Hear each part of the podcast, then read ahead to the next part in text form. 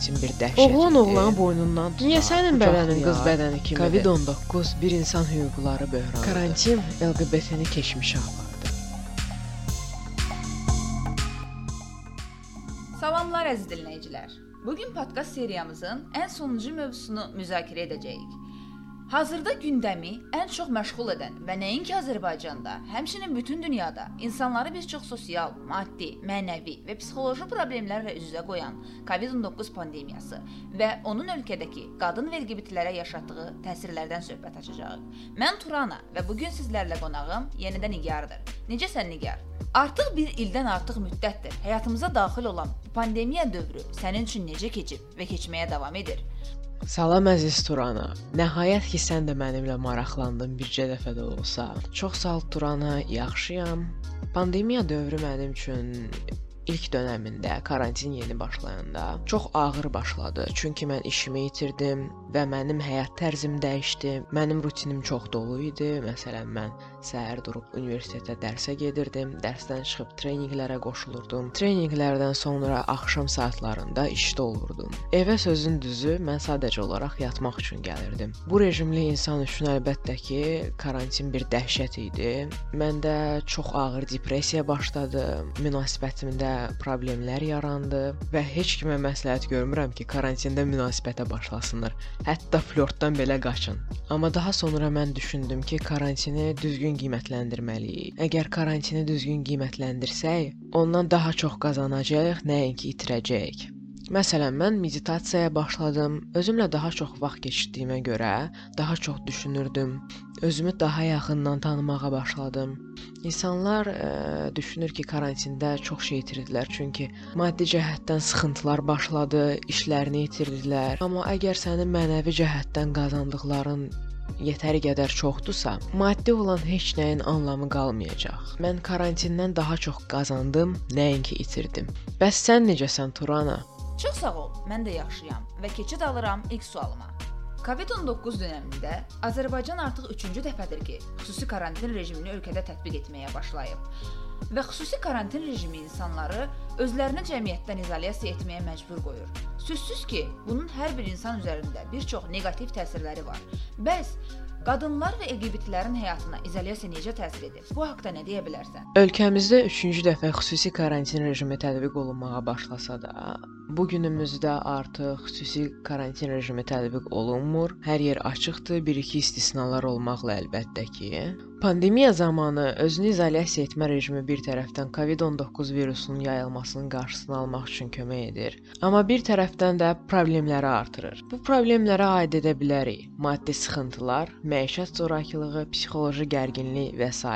Bu problemlər qadınlar və LGBT-lərin həyatına çox çətinliklər yaşatdı. Məişət zorakılığı həmişə olsa da, pandemiyada daha çox artdı. Nə qədər çox ölkədə karantin rejimi qüvvəyə minirdisə, dünyada o qədər çox məişət zorakılığı qeydə alınırdı.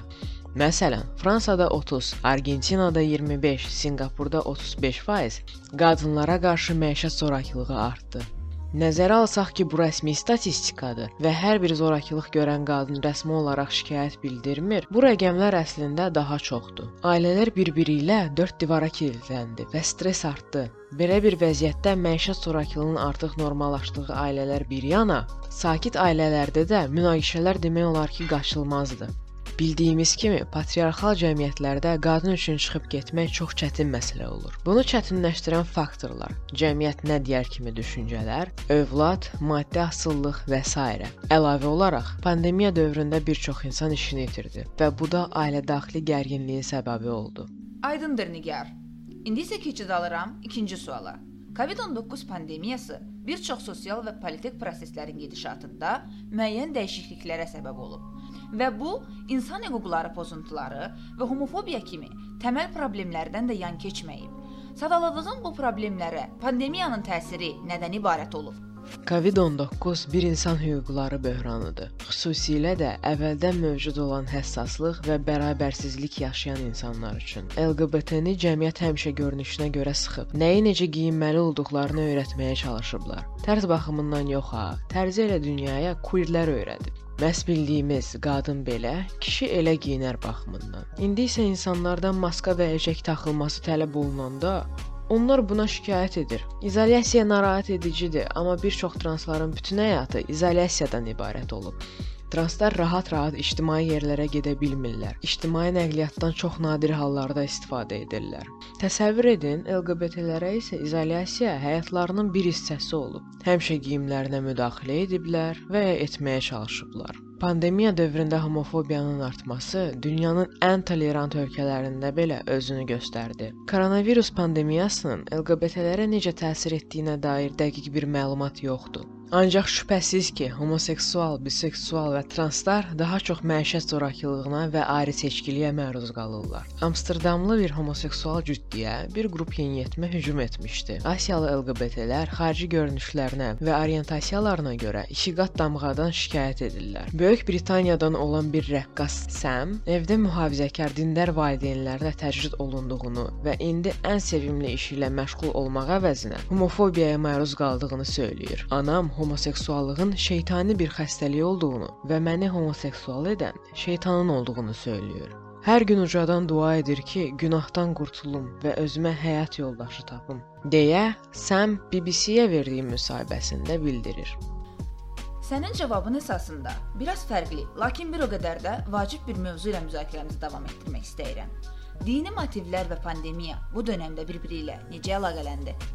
Dini motivlər homofobiyanın artmasının əsas səbəblərindən biri hesab edilə bilər. Bu ritorika 80-ci illərin sonlarında LGBT insanların HIV və S epidemiyasında günahkar elan edildiyi dövrdə məşhur olanlara çox oxşuyur. Baxmayaraq ki, nə HIV, nə də yeni koronavirus virusa məruz qalan insanların genderini, orientasiyasını, irqini və ya yaşını bilmir. Buna baxmayaraq, bu dindarların LGBT-ni infeksiya yaymaqda günahlandırmasına mane olmur olmur. Ukrayna Pravoslav Kilsəsinin rəhbəri Patriarx Filaret eynicinsi nigahları pandemiyanın səbəbi adlandırdı. Rabbi Meir Mazus yeni infeksiyanın gey gürur paradları üçün ilahi cəza olduğuna inanır. Lakin bu sözlərdən dərhal sonra İsrailin Səhiyyə naziri Yakov Lisman virusa yoluxdu. Nazir sosial məsafə qaydalarını pozduğuna və kollektiv dua etməli davam etdiyinə görə koronaya tutuldu. Lisman həm də açıqlamalarına görə tez-tez İsrailin əsas homofobu adlandırılır və qeyd edir ki, bütün LGBT-lər təbiətcə günahkardır. Daha əvvəl qeyd etdin ki, çox təəssüf ki, bir çox insanlar pandemiya dövründə iş yerlərini itirib. Bəs məhz Azərbaycanda LGBT-lər iş yerlərini itirmə problemləri ilə üz-üzə qaldımı? Bu problemlər sonra hansı fəsadları üzə çıxardı? İş yerinin itirilməsi və ailə-daxili gərginlik LGBT-lər arasında da özünü aydın büruzə verdi. Azərbaycanda LGBT-lər müəyyən yaş dövründən sonra paytaxtda üz tutur. Ailələrindən daha uzaq olmaq üçün və paytaxt LGBT üçün rayonlara nisbətən daha təhlükəsiz sayılır. LGBT-lər əsasən xidmət sektorunda fəaliyyət göstərir. Pandemiya dövründə onlar bağlandı. Bu da maddi sıxıntıya gətirib çıxardı. Bir çoxu yenidən homofob ailələrinin yanına geri dönüb onlarla bir yerdə yaşamağa məcbur oldular və ya evdə daha çox vaxt keçirdiklərinə görə ailə daxili münaqişələr artdı artdı. Bu da depressiyaya, psixoloji və fiziki zorakılığa gətirib çıxartdı. Karantin LGBT-ni keçmişə apardı. Aydındır Nigar. İndi isə keçid almaq istəyirəm növbəti bir çox vacib suala. Vurğuladın ki, dünyada LGBT-lərə qarşı hücumlar, nifrət cinayətləri, təəssüflər olsun ki, hədsiz dərəcədə artıb. Bəs ölkədə bu baxımdan vəziyyət necədir? Karantin dövründə Azərbaycanda mediaya məlum olan 4 hücum var. Onlardan birincisi 21 may tarixində baş vermişdi. İki gənc homofobik hücuma məruz qalmışdı. Onlar hadisəni belə danışıb. Biz Nizami kinoteatrının qarşısındakı yeraltı keçiddən keçib evə tərəf hərəkət edirdik. Keçiddən çıxanda Komagena adlı məkanın yaxınlığında hücuma məruz qaldıq. Bunun səbəbi isə qolumuzu bir-birimizin çiyninə qoymağımız və zarafatlaşmağımız idi. Bir kişi 4-5 dəfə bizə tərəf kinayəli şəkildə baxdı və arxamızca dedi: Oğlan oğlanı boynundan tutar, qucaqlayar, daha sonra yanındakı şəxslərlə birlikdə bizə yaxınlaşdı və boğazımdan möhkəm şəkildə sıxıb nalayiq ifadələr işlətdi. Əgər yaxınlıqdakı insanlar olmasa və bizi ayırmasaydılar, vəziyyət daha da pis ola bilərdi. Həmin şəxs bizi ölümlə hədələyirdi. Hətta bizi ayırmaq üçün gələn insanlara qarşı da zorakılıq etdi və təpiy atdı. Qəzəb onun gözünü elə tutmuşdu ki, bizə hücum edə bilmək üçün digər insanların da qolunu burub kənarlaşdırmağa çalışırdı. Gənclər daha sonra polisə müraciət etmişdi. Polis onlardan izahat alarkən, əgər cinayətkarı 10 gün ərzində tapa bilməsək, nə edə bilərik ki? deyə bildirib. Hüquq mühafizə orqanlarının nümayəndəsi zərər çəkənlərin pozulmuş hüquqlarını bərpa etmək əvəzinə onları günahlandırmış və "Niyə sənin bədənin qız bədəni kimidir? Bir cızıq atan kimi qızarır" deyə kinayə ilə əlavə etmişdi. Gənclər məsələnin araşdırılmasını davam etdirəcəklərini deyir. İkinci hücum isə iyunun 18-də baş verib. Mikroskop medianın verdiyi məlumata görə, Bakıda seks işçisi kimi fəaliyyət göstərən transgender qadın Aysu Məmmədli özünü müştəri kimi təqdim edən şəxs tərəfindən 11 bıçaq zərbəsi ilə qətlə yetirilib. Qətlə yetirilən Aysu Məmmədlinin dostları hesab edir ki, o başqa yerdə qətlə yetirildikdən sonra həmin evə sürüklənərək gətirilib. Buna əsas səbəb kimi də, buna əsas kimi də Aysunun diz və ayağında olan cızıqlar göstərilir. Bloger Ata Abdullayev bir neçə ay əvvəl onun videosunu çəkib paylaşmışdı. Aysu Məmmədli ölümündən 2 gün əvvəl saç ustasına deyib ki, həmin videodan sonra dayısı onu ölümlə təhdiz edib. Lakin o hələ ki istintaqa cəlb edilməyib. Növbəti gün iyunun 19-da 20 yanvar metro stansiyası yaxınlığında adının açıqlanmasını istəməyən başqa bir trans qadına bıçaqla hücum edilib. O boynundan və çiynindən bıçaqlanıb. Trans qadın özünü maşından ataraq həyatını xilas edib. Həmin şəxs saxlanılıb. Mediaya məlum olan sonuncu, yəni 4-cü hücum 30 iyul günorta radələrində Səbail rayonunda baş verib. 4-cü hücum 30 iyul günorta radələrində Səbail rayonunda baş verib. Hadisənin şahidi bildirir ki, seks işçiliyi ilə məşğul olan trans qadının evinə müştəri qismində gələn şəxs ona müxtəlif nahiyələrdən çoxsaylı bıçaq zərbələri endirib. Zərər çəkən Respublika Klinik xəstəxanasına çatdırılıb. Onun yaxınları və xəstəxananın qarşısında gözləyən jurnalistlər məlumat verir ki, qısa müddətdən sonra xəstə qanaxması davam etdiyi halda həkimlər tərəfindən evə buraxılıb. Yaxınlarının etirazlarından sonra o yenidən xəstəxanaya qaytarılıb. Şahidlər həmçinin bildirib ki, cinayətdə şübhəli bilinən şəxs artıq hüquq mühafizə orqanları tərəfindən saxlanılıb. Ətraflı məlumat üçün çox sağ ol Nigar.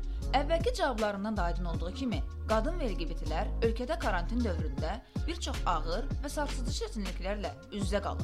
Bəs bu problemlərdən dolayı ölkəmizdə LGBT-lər və qadınlar ən çox hansı baxımdan dəstəyə ehtiyac duyublar? Karantinə görə iş yerlərinin itirilməsinə görə əlbəttə ki, maddi və psixoloji olaraq çətinliklər yaşandı.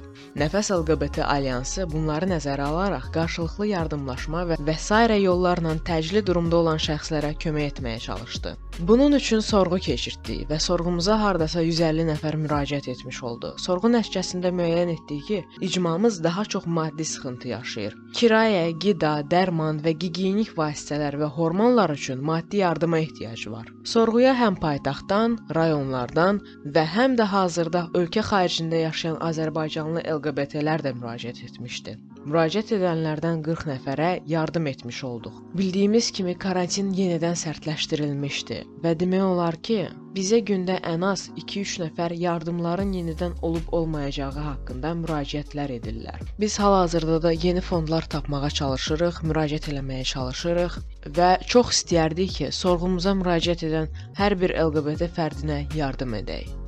Ətraflı və informativ məlumatların üçün çox sağ ol. Bununla belə Nəfəs LGBT Azərbaycan Alyansının Kvir Feminist podkastlar seriyasını başa çatdırırıq. Bizimlə birlikdə 4 önəmli mövzu barədə məlumat və təcrübələrini bölüşdüyün üçün təşəkkürlər Nigar. Ümidvaram ki, dinləyicilər podkastlarımızdan kifayət qədər məlumat əldə etmiş və zövq almışdır. Sağ olun və sevgi ilə qalın.